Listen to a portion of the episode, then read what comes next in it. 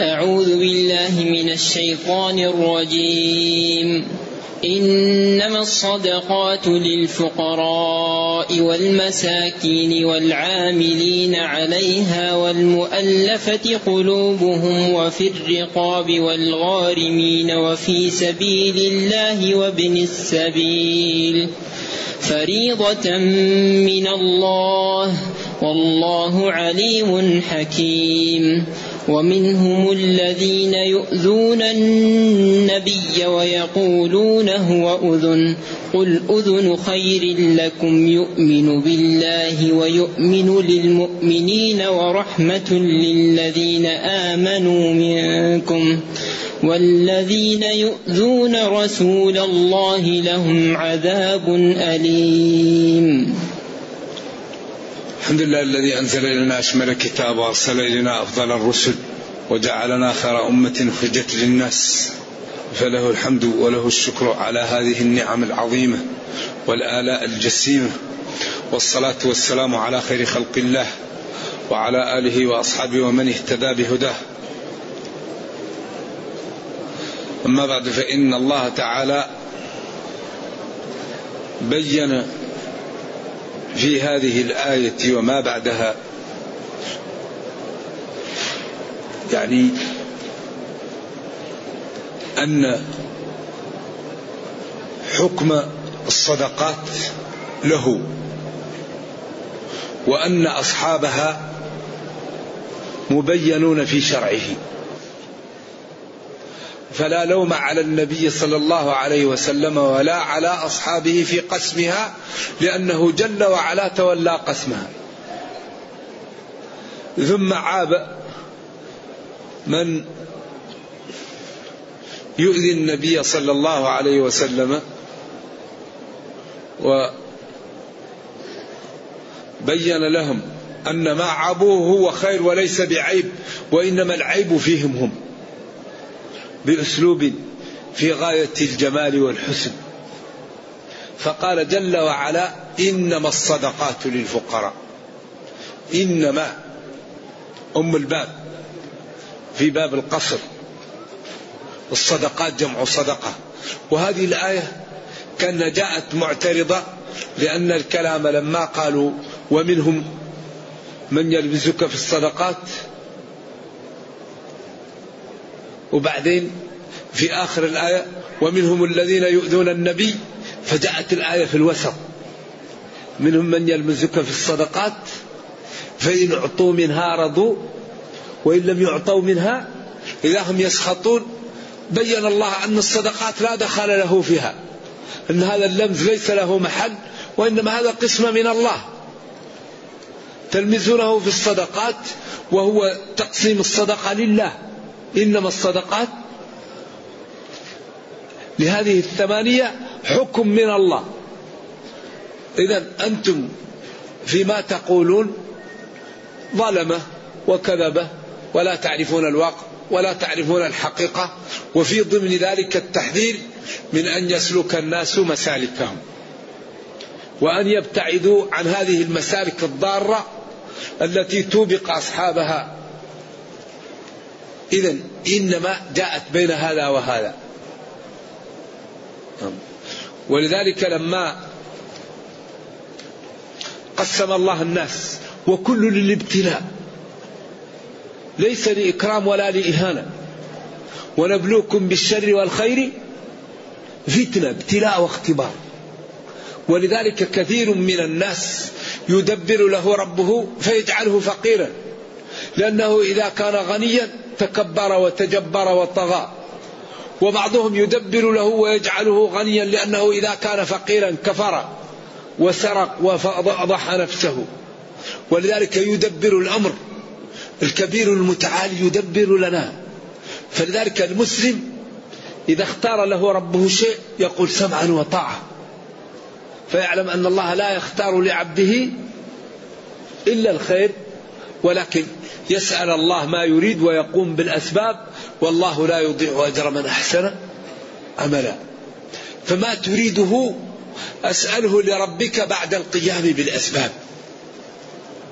أي شيء تريده قم بالأسباب واسأل الله.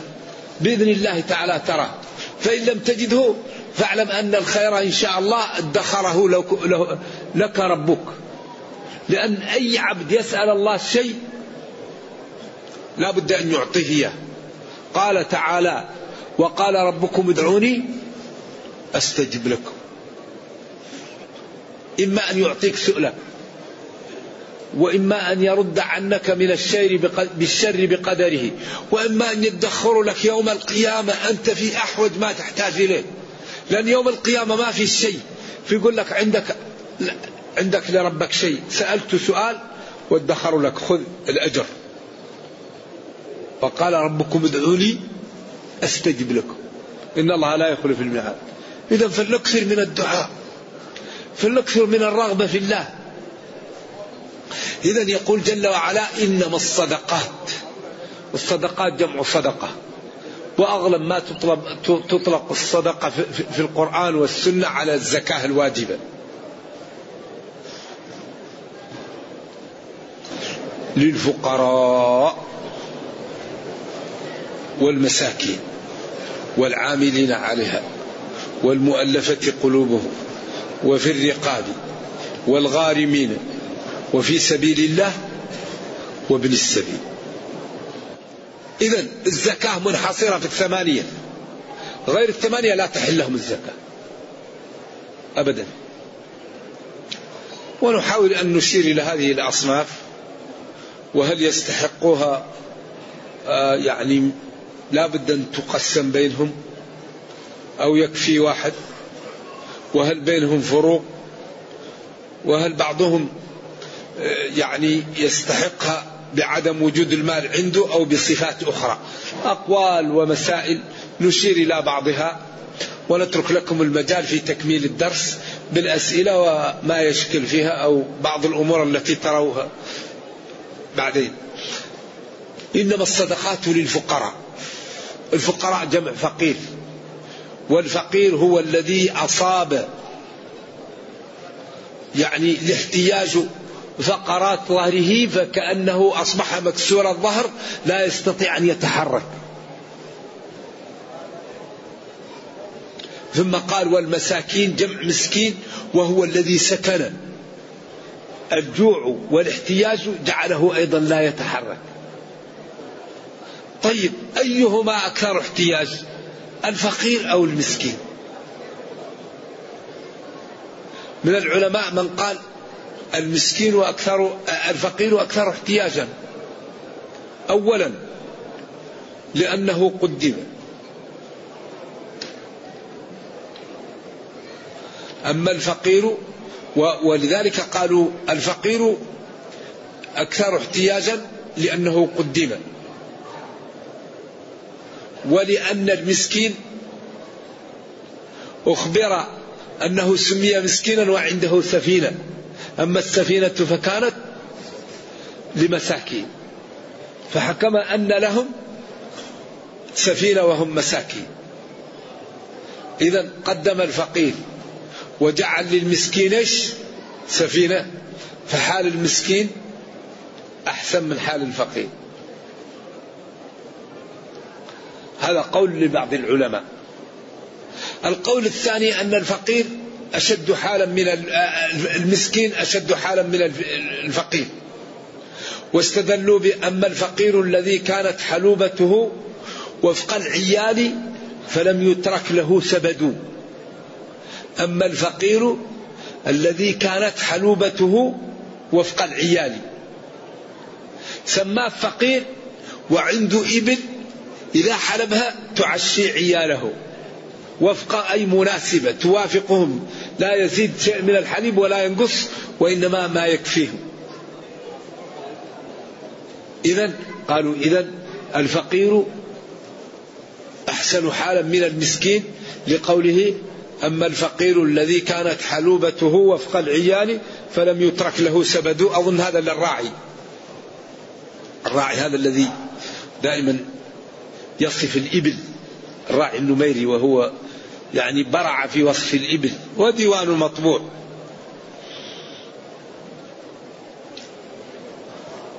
القول الثالث أن المسكين تقال للفقراء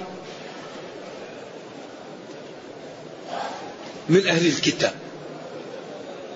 والمساكين تقال للفقراء من غير المسلمين. والمسكين المساكين تقال للفقراء من أهل الكتاب والفقير من المسلمين. قول شبه الشاذ أن المسكين تقال للطوافين من التي يطوف علينا من الدواب والمسكين من من المسلمين وهذا بعيد. القول الذي قيل أن الفقير والمسكين بمعنى واحد.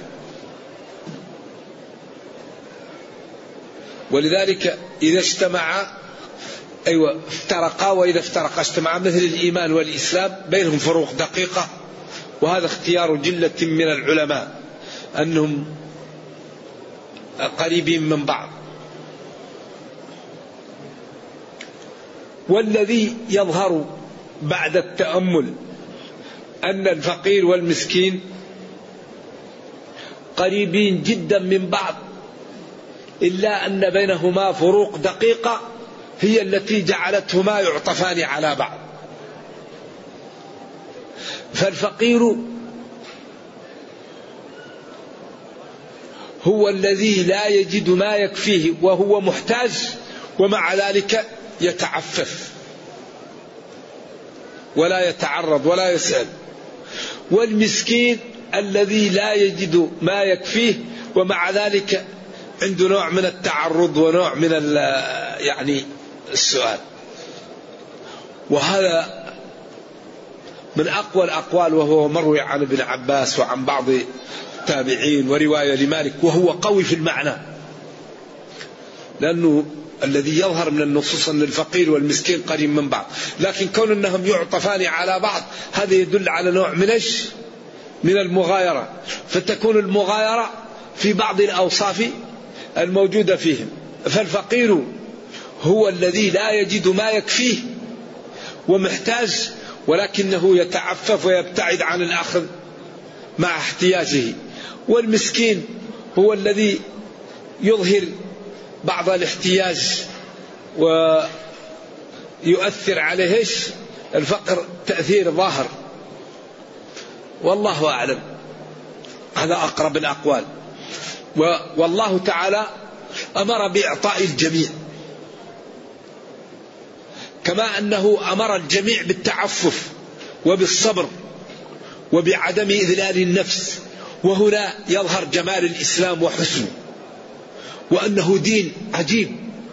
من الجهة يقول للفقير أصبر من تصبر صبره الله ومن تعفف أعفه الله.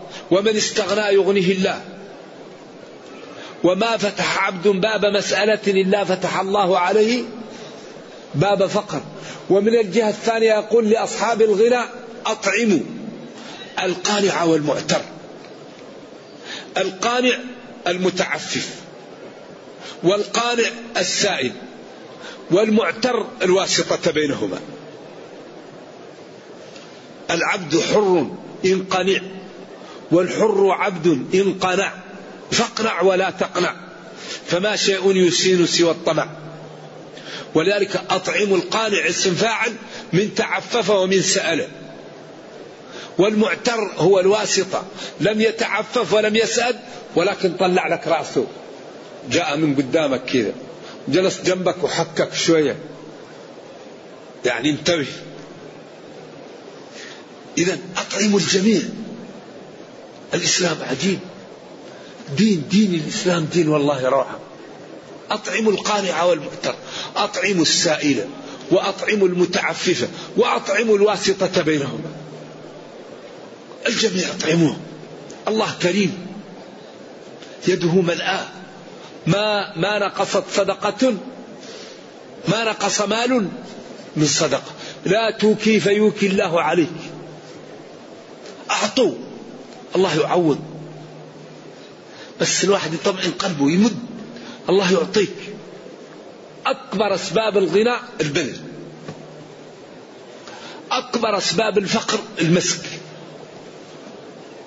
توكي فيوكي الله عليك. وكربط الله يربط عنه الطرق. فتح الله يفتح عليه. من جاء بالحسنة فله عشر أمثالها.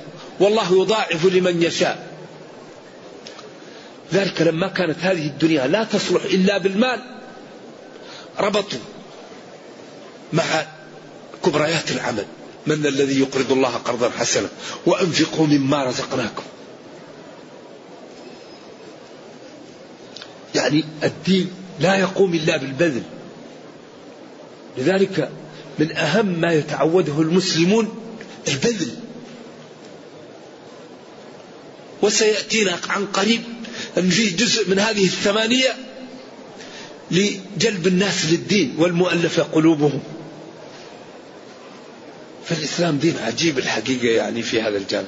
إذا الذي يظهر أن الفقير والمسكين أنهما متقاربان جدا ولكن الفقير هو الذي لا يجد ما يكفيه أو يجد قليلا ومع ذلك يتعفف والمسكين الذي لا يجد ما يكفيه أو يجد قليلا ومع ذلك يتعرض.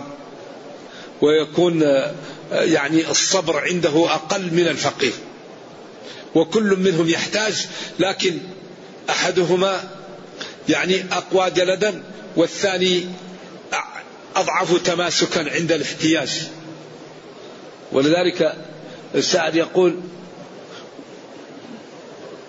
أمر على الناس شبه الملك فلا يراني على بابه ولا يراني له منهمك. أيوة فالعفة جعلته كالملك وقال يحسبهم الجاهل أغنياء من التعفف.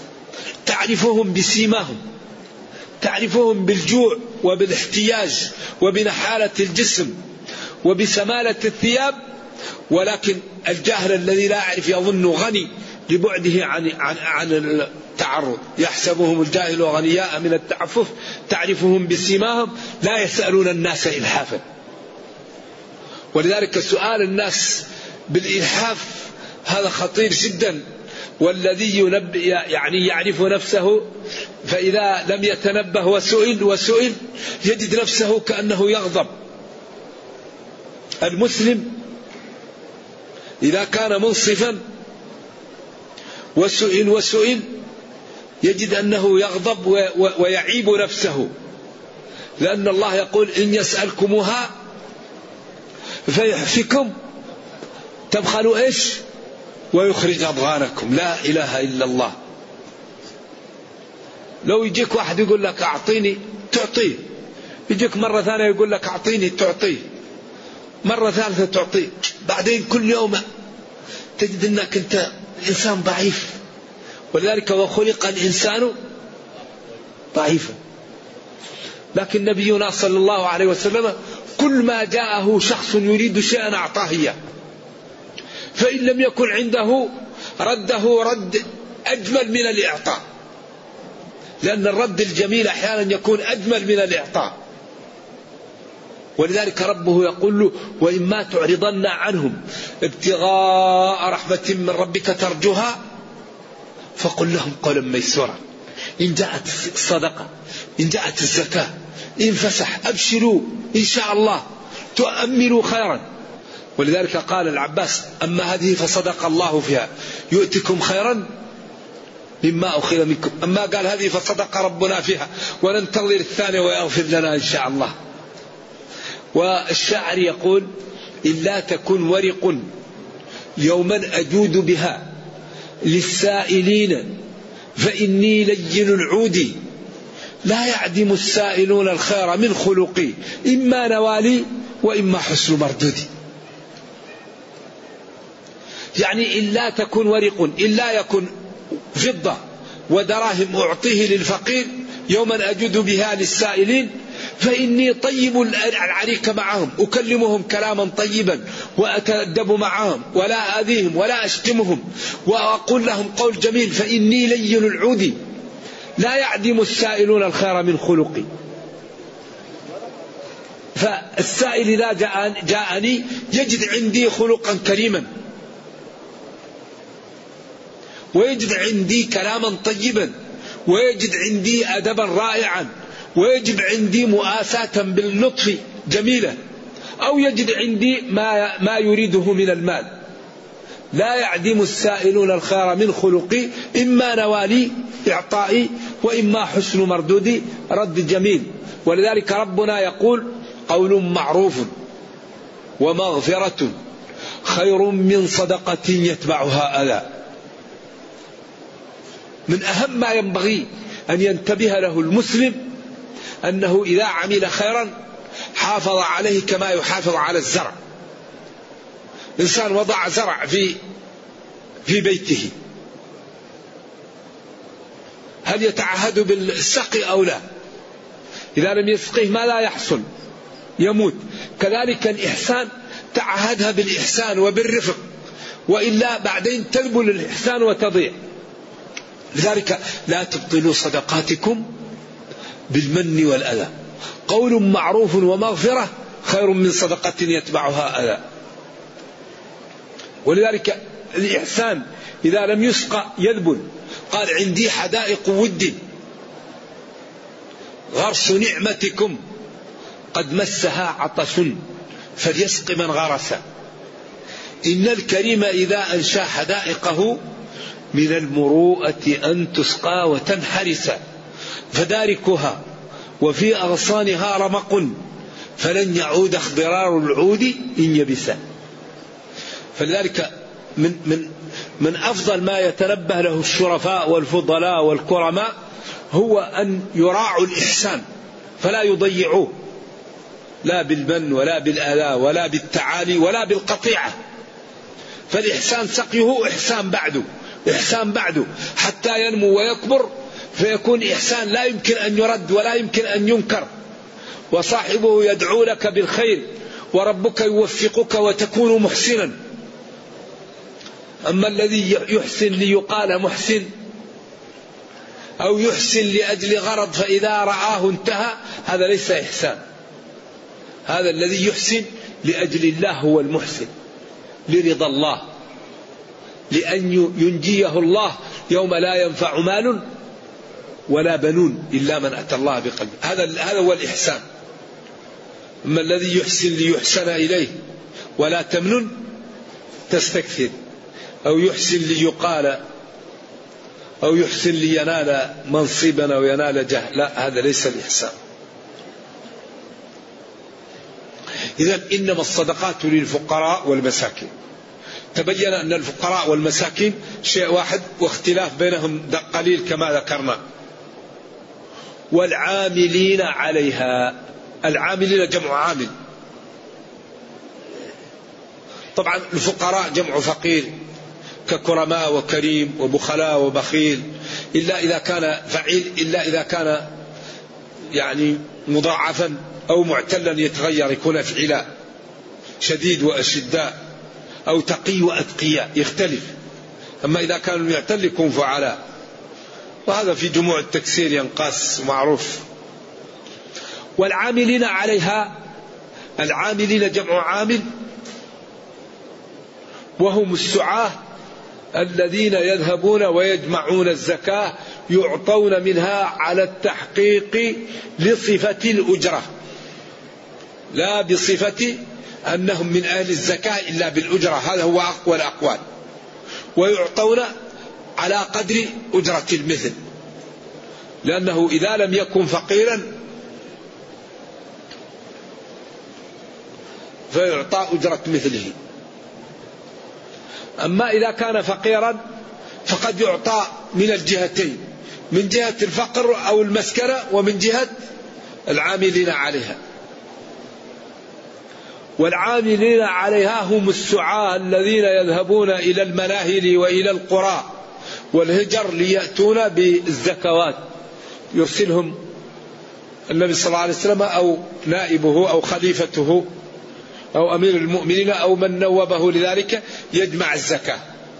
إذا هؤلاء استحقوها بصفة العمل لا بصفة المسكن ولا الفقر.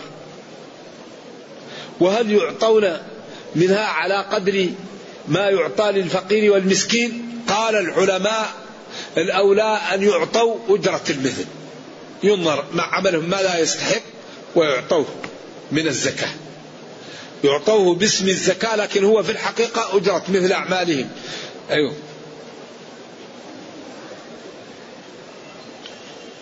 هنا وقفة هل بنو هاشم لا تعطى لهم؟ أهل النبي صلى الله عليه وسلم لا تعطى لهم الزكاة. هل يكونون من العاملين عليها؟ قولان للعلماء.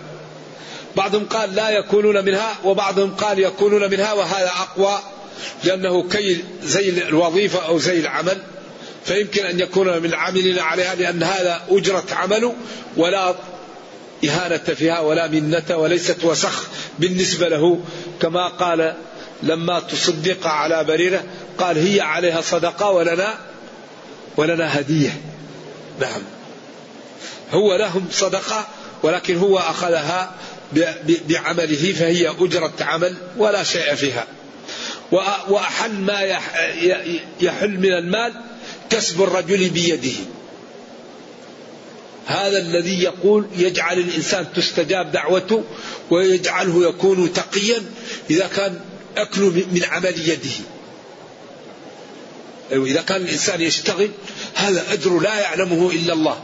فلذلك ينبغي لمن يعملون بأيديهم أن يتقوا الله ويجتهدوا لأن هذا عمل طيب. فإذا اتقوا الله وسألوا الله غمرهم بالخير ويسألون للمسلمين فيغمرهم عملهم بالخير.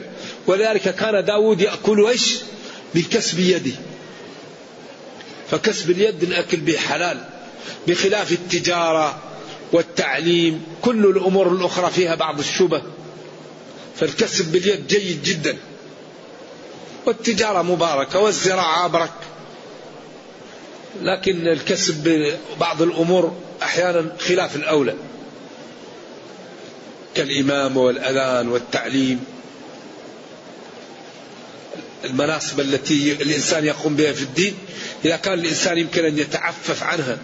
ويعملها بدون أجرة هذا أفضل. وإذا كان لا يستطيع وما جعل عليكم في الدين من حرج.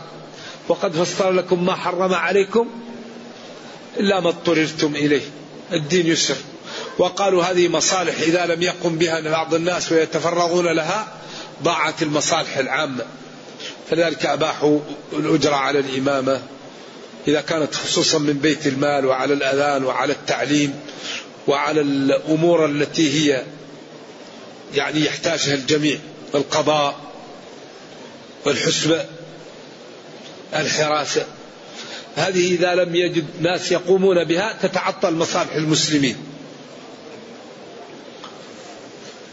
إذا والغارمين إنما الصدقات للفقراء والمساكين والعاملين عليها والمؤلفة قلوبهم.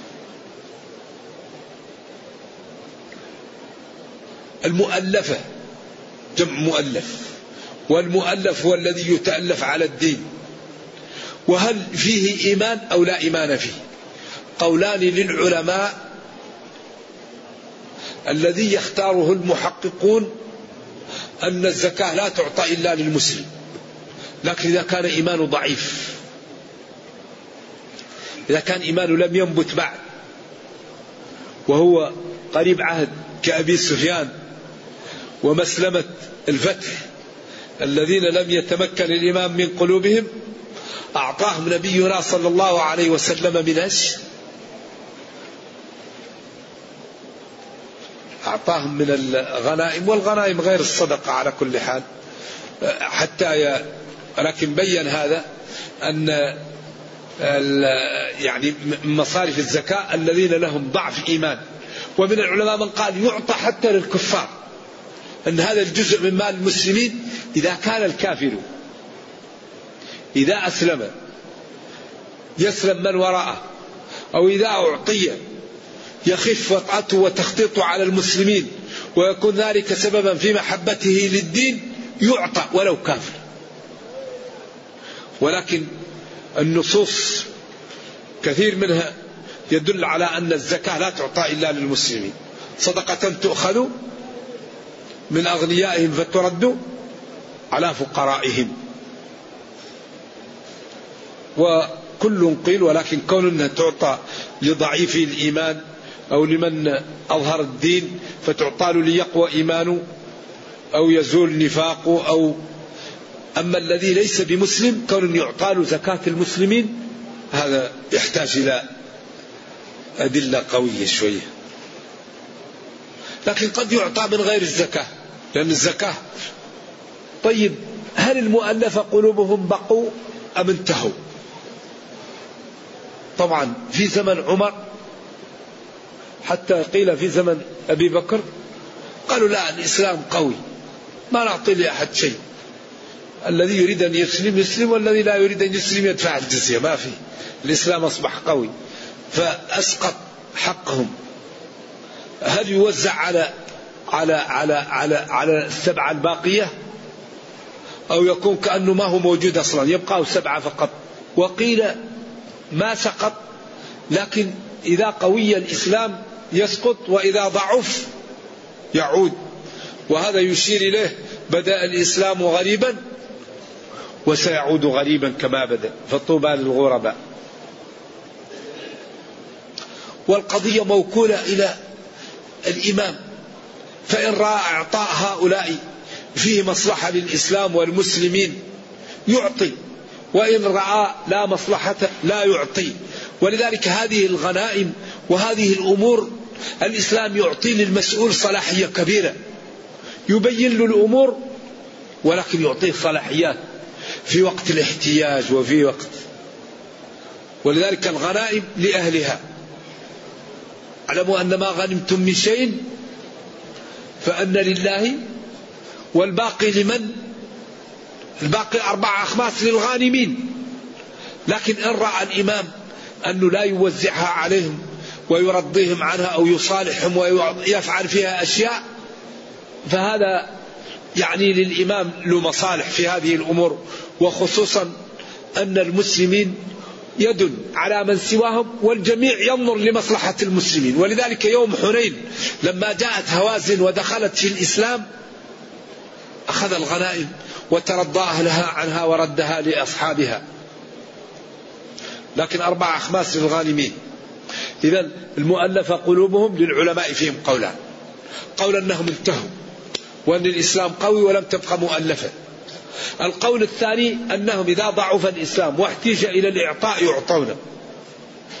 الأمر الثاني هل المؤلفة قلوبهم من هو ضعيف الإيمان أو من هو كافر يريد إدخاله في الإسلام؟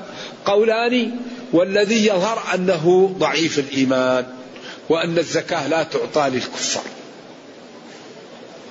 اللهم عمر مر بمكا بذمي ووجد حاله شديدة أعمى ولا عائل له. فوجد في الطرقات في وضع عجيب. فقال أنا كانت تؤخذ مني الصدقة تؤخذ مني الجزية والآن عجزت ما عندي شيء ولا في حد من يعلي. فقال عمر ما أنصفناه. أمرهم بأنهم يسدوا له حاجته. قال ما دام كان يعطي الجزية والآن تعطل ولم يستطع العمل لا بد أن تسدوا له حاجته. فأمر عمر بأن يسد له ما يحتاج إليه. ولذلك عمر كان عبقريا. عبقريا في فهم الدين في الإدارة في الشجاعة في الإنصاف في الرجوع للحق. ولذلك قالوا ما ترك الحق لعمر صديقه ما عنده. دون الدواوين وعمل الأشياء وأخذ مؤلف قلوبهم وقال لو صليت في المقام لو حجبت نساءك. كل دائما أراء يأتي الوحي بها. عجيب عمر رضي الله عن الجميع. مع الأسف أنك تجد شرائح من المسلمين يسبون عمر. كيف مسلم يسب عمر؟ كيف من يدعي الإسلام بالله عليكم يسب عمر؟ ونبينا قال في الحديث الصحيح إيه ما رآك الشيطان سالك فجا إلا سلك فجا آخر. رأيت عمر أبو بكر ينزع ورحمة الله عليه في نزعه ضعف. ورأيت عمر ينزع فلما قرأ عبقريا حتى ترك الناس على عطن. فما أوله قال بالدين وطول مدته. كيف ناس عقلاء؟ الله أعطاهم العقل و و و و وينتسبون للدين يسبون عمر وأبا بكر. هذا غريب والله. أفضل البشر بعد الرسل. كيف يسبوا ممن يدعي الإسلام؟ والنصوص صريحة صحيحة متوافرة أنهم من أهل الجنة. اثبت. عليك نبي وصديق وشهيدان. غريب غريب. نرجو الله السلام والعافية. ولذلك نرجو الله أن لا يطمس بصائرنا وأن يبصرنا بالحق. نعم. آه آه إن الله يحول بين المرء وقلبه. يحال بين الإنسان وقلبه لا يفهم لا يبصر.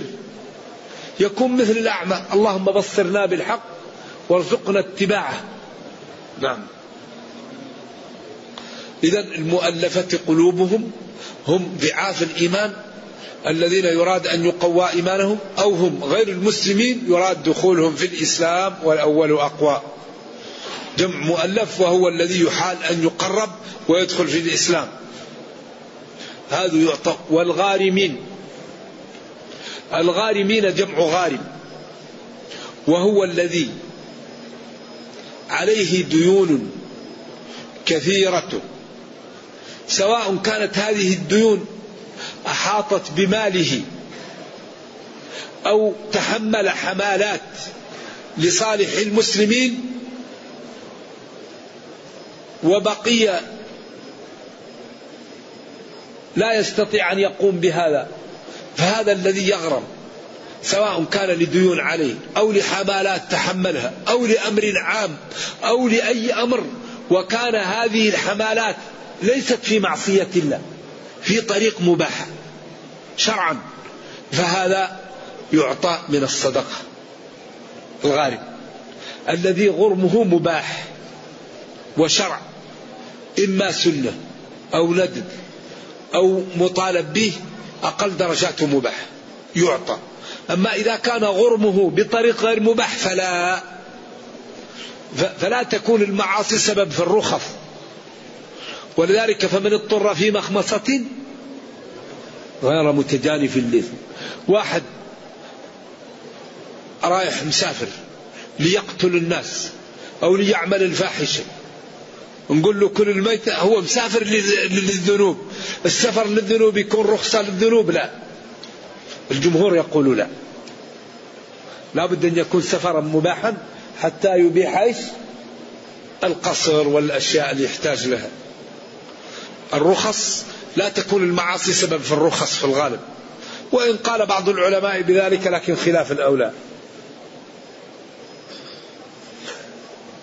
الغارمين جمع غارم وهو الذي عليه غرم لغيره سواء كان هذا الغرم يحوط بماله أو لا يحوط به على قول وقيل أنه لا بد أن يكون الغارم المال يأتي على ماله حتى يبقى فقيرا.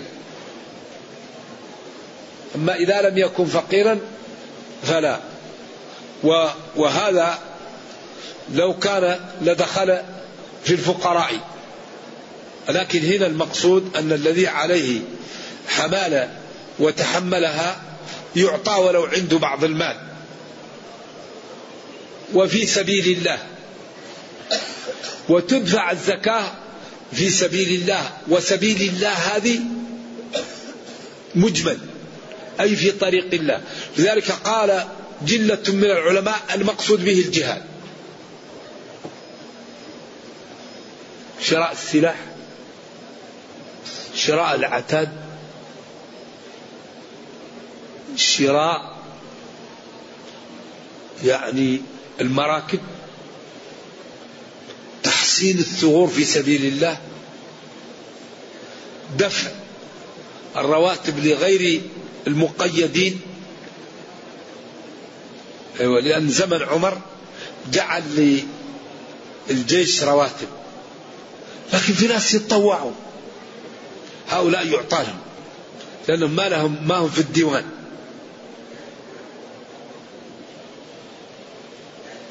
وقيل سبيل الله عم من هذا الحج والعمرة طلب العلم مساعدة الجمعيات حفر الآبار. لكن كثير من العلماء يقول في سبيل الله أول شيء يدخل فيها الغزو شراء أيوة. تعدينا وفي الرقاب. في الرقاب قولان للعلماء. قيل يؤخذ جزء من الصدقة ويشترى به. بعض العبيد يكون ولاءهم للإسلام. إذا الرقاب جزء من من الصدقة. يؤخذ رقيق ينظر له. يكون جيد ويكون فيه نفع. ويشترى ويعتق. ويكون ولاء للإسلام يقوى به الإسلام. قيل في الرقاب هؤلاء الأسراء من المسلمين الذين عند الكفار كأنهم مثل العبيد يعتقوا بهذا. وقيل في الرقاب المكاتبون الذين بقي عليهم شيء من كتبهم يدفع لهم هذا. وكل قيل ولا مانع من أن الآية تشمل الجميع لأنه كله في الرقاب لأن كل واحد منهم رقبته مثل المرهونة. فالعبد هو رقبته مرهونة والأسير كذلك والمكاتب فلا مانع أن تدفع للجميع والله أعلم. وفي سبيل الله كما ذكرناهم آه، هل هو في الجهاد أو في الحج والعمرة أو في مرافق المسلمين عامة. لكن هذا يكون لهم إذا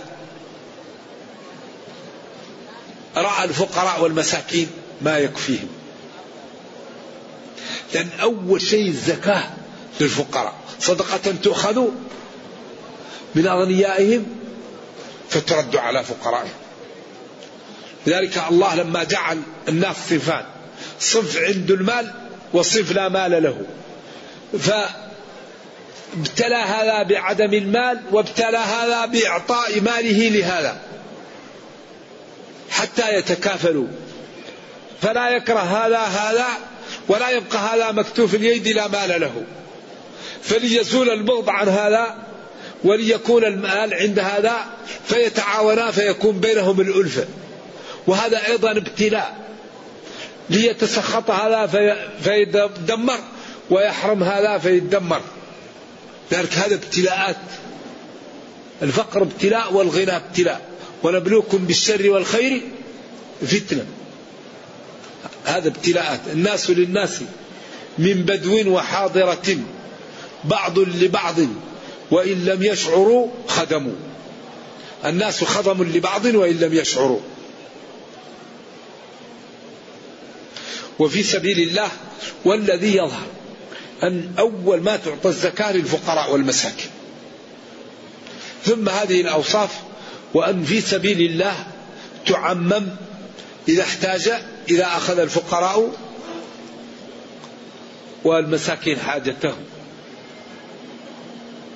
أما إذا كانوا محتاجين فهم أحق. وابن السبيل ابن السبيل هو ولد الطريق لأن الطريق هي اللي ولدته. خرج من الطريق فهو ابنها لا أب له ولا أم في المنطقة وهو بعيد ولا يعرفه أحد. ولو كان في بلده غنيا فإنه يعطى من الصدقة حتى يصل إلى ماله. وسمي ابن السبيل لأنها هي التي ولدته. مشى وجاءك مع الطريق. ما لا يعرف له بيت في المنطقة ولا أهل. فنسب لها لأنها هو الذي جاء منها. فريضة من الله. إيش إعراب فريضة؟ فرض ذلك فريضة أوجب ذلك وجوبا. ألزمه إلزاما. فريضة من الله. لا من غيره. فنفذوها واعملوا بها. والله عليم. لا تخفى عليه خافية حكيم يضع الأمور في مواضعها. فابشروا بيش بهذا التشريع وبهذا الحكم وبادروا بتنفيذه فإن فيه سعادة الدنيا والنجاة في الأخرى. طيب ثم بين أن هؤلاء الكفار والمنافقون يؤذون النبي ويتكلمون كلاما ليس بطيب وهم لو تأملوا لوجدوه طيبا ومفيدا. ومنهم أي هؤلاء الكفار الذين يؤذون النبي. ومن جملة الأذية التي يقولون فيها هو أذن. كل أذن هذا تعبير عن كل ما قيل له شيء يصدقه. ولذلك قالوا نحن نتخلف عن الغزو. نحن نقول ما نشاء. وإذا جئناه نقول لا نحن ما قصدنا كذا. نحن قصدنا كذا. فهو يسمع منا. أو أنهم لما ظهر نفاقهم قالوا كل ما قال له شخص يصدقه ونحن كذب علينا. إذا قالوا هو أذن احتمال لجهتين. هو أذن لأنهم نافقوا ولما أخبر بذلك قالوا كل ما قال له حد شيء صدقوا ولو كذب. الاحتمال الثاني أنهم هم يعلمون أنه رحيم وأنه إذا قال له شخص لرحمته بالناس يقبل منهم السهل فيقول نحن السفر صعب علينا ونحن أصحاب عذر ولا نستطيع فيقبل منهم ويسمع منهم يقول هو أذن. إذا هذا من جملة أذيتهم للنبي صلى الله عليه وسلم. وهذا الرد في غاية الروعة وفي غاية القول بالموجب. قل أذن خير لكم.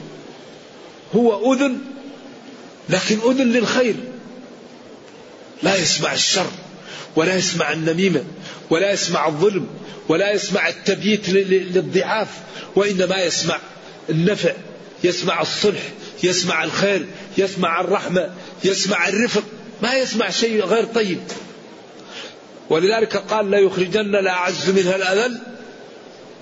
إيش قال الله؟ لئن رجعنا إلى المدينة. طيب إيش بعد هذا؟ قل لله العزة ولرسوله. إذا أنتم اللي تخرجوا والذي تقعوا. إذا هو أذن للخير. ما هو أذن للشر؟ وإنما ذلك أنتم. يعني سماعه للخير. أذن خير. لذلك هؤلاء القوم يعني هذه السورة لما قال أحد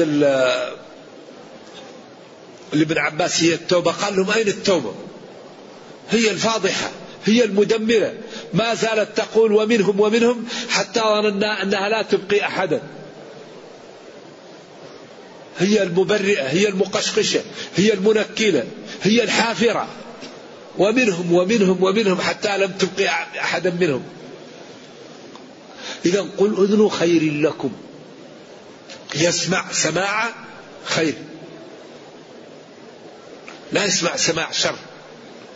يؤمن بالله ربا معبودا بحق متصفا بصفات الكمال والجلال ويؤمن للمؤمنين.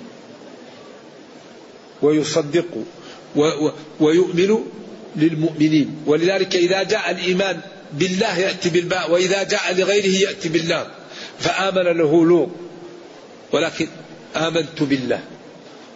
فلله يجر بالباء وفي غيره باللام ولذلك يقول ويؤمن للمؤمنين ويصدق لأجل ما يقوله المؤمنون أو لأجل صدقهم. ورحمة للذين آمنوا منكم. وهو رحمة للذين آمنوا منكم. ونبينا صلى الله عليه وسلم رحمة لما جاء به من الرحمة ولما جاء به من الرفق والخير لكن للذين آمنوا. أما الذين لم يؤمنون فما جاء به عياذا بالله حسرة وندامة عليهم ونكال. وكما قال قل هو للذين آمنوا هدى وشفاء القرآن. والذين لا يؤمنون في آذانهم وقر وهو عليهم عامة قال هدى للمتقين. أما غير المتقين فليس هدى لهم وإنما يزيدهم ضلال عياذا بالله. ويؤمن للمؤمنين ورحمة للذين آمنوا منكم. وهو خير لكم وهو يصدق للمؤمنين ويؤمن لأجل ما جاءوه به ويصدقهم. وهو رحمة للذين آمنوا منكم. يكون سببا في دخولهم الجنة وفي فوزهم وفي فرحهم وفي بعدهم عن الذنوب والمعاصي وفي سعادتهم الدنيوية والأخروية. والذين يؤذون رسول الله صلى الله عليه وسلم لهم عذاب أليم. والذين لا غيره. يؤذونه بما قيل. ساحر كاهن أساطر الأولين اكتتبها. مجنون أذن لكم. يلمزك في الصدقات. لهم عذاب من الله تعالى أليم موجع. يصل ألمه إلى قلوبهم. وهذا الوعيد الشديد لهؤلاء القوم الإخبار به فسحة ليتوب العبد ويتجنب مزالق الضلال والعطب. لأن هذا الدين صحيح. والله هو المعبود بحق. والرسول من مرسل من عند الله.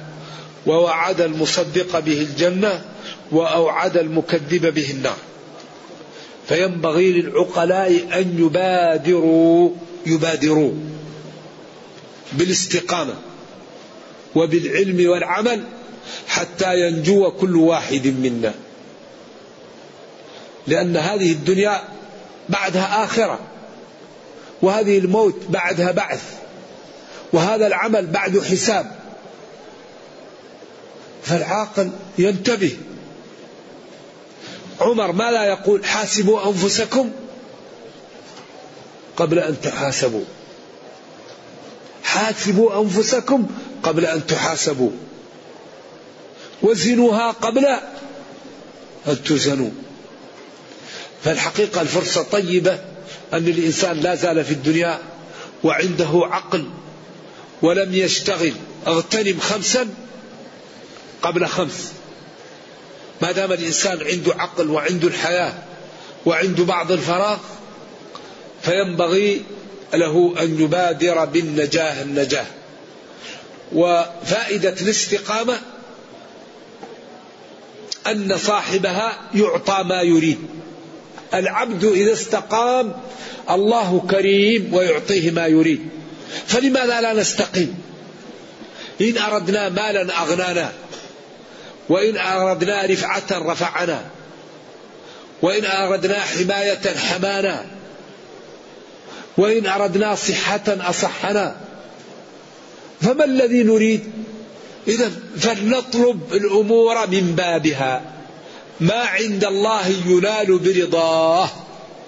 فنحرص على رضا الله بطاعة الله والعمل بما شرع لنا وأن نعرف طرقا التي بها يقبل العمل.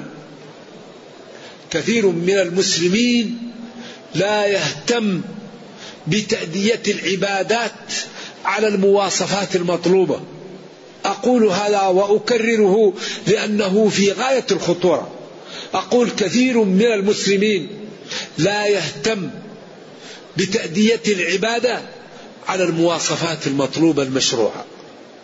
وتعلمون أن العبادة لا تقبل إلا إذا كانت على المواصفات المشروعة. فإذا لم يتعلم العبد لا يعرف المواصفات المطلوبة للعبادة فتقع على خطأ فيكون الأجر فيها معدوم أو ناقصا فالذي يريد أن يقبل منه العمل يعرف مواصفات العبادة. الطهارة الماء الذي يتطهر به له مواصفات. لا بد أن يكون مطلق ولا بد أن لا يكون مغصوبا الأعضاء التي تغسل في الوضوء معروفة. ولا بد أن يعمم عليها الماء. الصلاة التي تقبل. لا بد أن تكون أركانها تامة وشروطها تامة حتى تقبل. وهكذا. إذا نحن إذا أردنا أن تعلو رتبنا نهتم بالعبادة ونؤديها بالمواصفات المطلوبة. أما إذا كان كل واحد لا يهمه تكون كل عبادة ناقصة. القراءة إذا لم تكن على المواصفات المطلوبة الأجر ناقص. كل حرف بعشر حسنات. لا أقول ألف لام ميم حرف وإنما ألف حرف ولام حرف وميم حرف. لكن إذا أردنا أن نقرأ لازم نجود والأخذ بالتجويد حتم لازم. من لم يجود القرآن؟ آثم. هذا كلام من؟ هذا كلام شيخ شيخ الفن. هذا كلام ابن الجزري الذي يقول التجويد غير لازم؟ كلامه غير لازم. الله يقول ورتل القرآن ترتيلا. ابن مسعود لما قرأ إلى الرجل وقال براءة قال ما هكذا أقرأنيها رسول الله؟ براءة من الله ورسوله. وكان يقول ولا الضالين يمد بها صوته. وليس بينه وبين تركه إلا رياضة امرئ بفكه.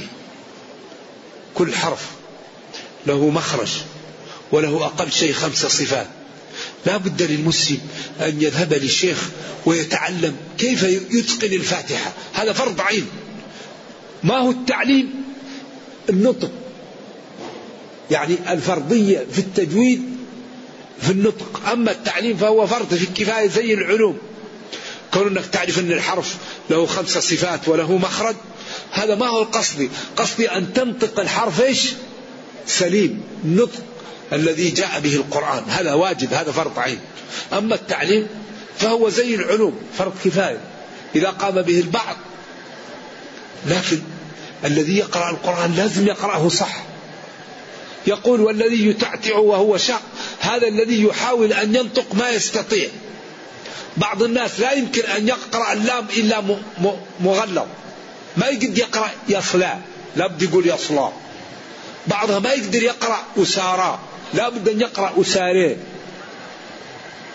ولذلك الله لما أنزل القرآن أنزله بقراءات متعددة ونزل بها جبريل لتخفيف على الناس. كل واحد يقرأ بما يستطيع. ولذا قال لعمر أرسله اقرأ. قال هكذا أنزلت. ثم قال للصحابي اقرأ. قال هكذا أنزلت. هكذا أنزلت. ما أن كل واحد مخير يقرأ. هذا ضلال. جبريل نزل وأحقا للنبي صلى الله عليه وسلم هذا. ولذلك قالوا لا تحرك به لسانك إيش؟ إن علينا جمعه وقرآنه. فإذا أردنا أن تقبل أعمالنا نهتم بأدائها. أولا النية ثم العمل العلم ثم المتابعة. أما الذي لا ينتبه لا يأخذ الأجر كامل. نرجو الله جل وعلا أن يرينا الحق حقا ويرزقنا اتباعه وأن يرينا الباطل باطلا ويرزقنا اجتنابه. وأن لا يجعل الأمر ملتبسا علينا فنضل. اللهم أصلح لنا ديننا الذي هو عصمة أمرنا وأصلح لنا دنيانا التي فيها معاشنا وأصلح لنا آخرتنا التي إليها معادنا. واجعل الحياة زيادة لنا في كل خير والموت راحة لنا من كل شر. اللهم نفس كرب المكروبين وفرج كرب المكروبين يا رب. واقض الدين عن المدين واشف مرضانا ومرضى المسلمين. وفك أسرانا وأسرى المسلمين. اللهم إنا نسألك أن تغفر لنا ذنوبنا كلها دقها وجلها أولها وآخرها علانيتها وسرها. سبحان ربك رب العزة عما يصفون وسلام على المرسلين والحمد لله رب العالمين. حي قيوم برحمتك نستغيث. اصلح لنا شأننا كله ولا تكلنا إلى أنفسنا طرفة عين. يقول الأيتام الذين مات عنهم والدهم وهم صغار هل يطلق عليهم أيتام بعد البلوغ بعد بلوغهم الحلم لا يعتبروا أيتاما إلا باعتبار ما كان. كما قال وابتلوا اليتامى حتى إذا بلغوا النكاح فإن آنستم منهم رشدا فادفعوا إليهم أموالهم. إذا بلغ اليتيم لا يقال له يتيم. وهنا نقطة هل الأيتام تلزمهم الزكاة في أموالهم أو لا؟ الجمهور قالوا تلزم الأيتام الزكاة في أموالهم. ولبعض العلماء قالوا لا تلزم الأيتام الزكاة في أموالهم لأنهم صغار ولم يكلفوا وهذا سببه هل الزكاة حق للمال أو لصاحب المال؟ لذلك اختلفوا. والذي يظهر أنها تلزم في أموالهم. نعم. ورد أن الصدقات أوساخ الناس. كيف ذلك؟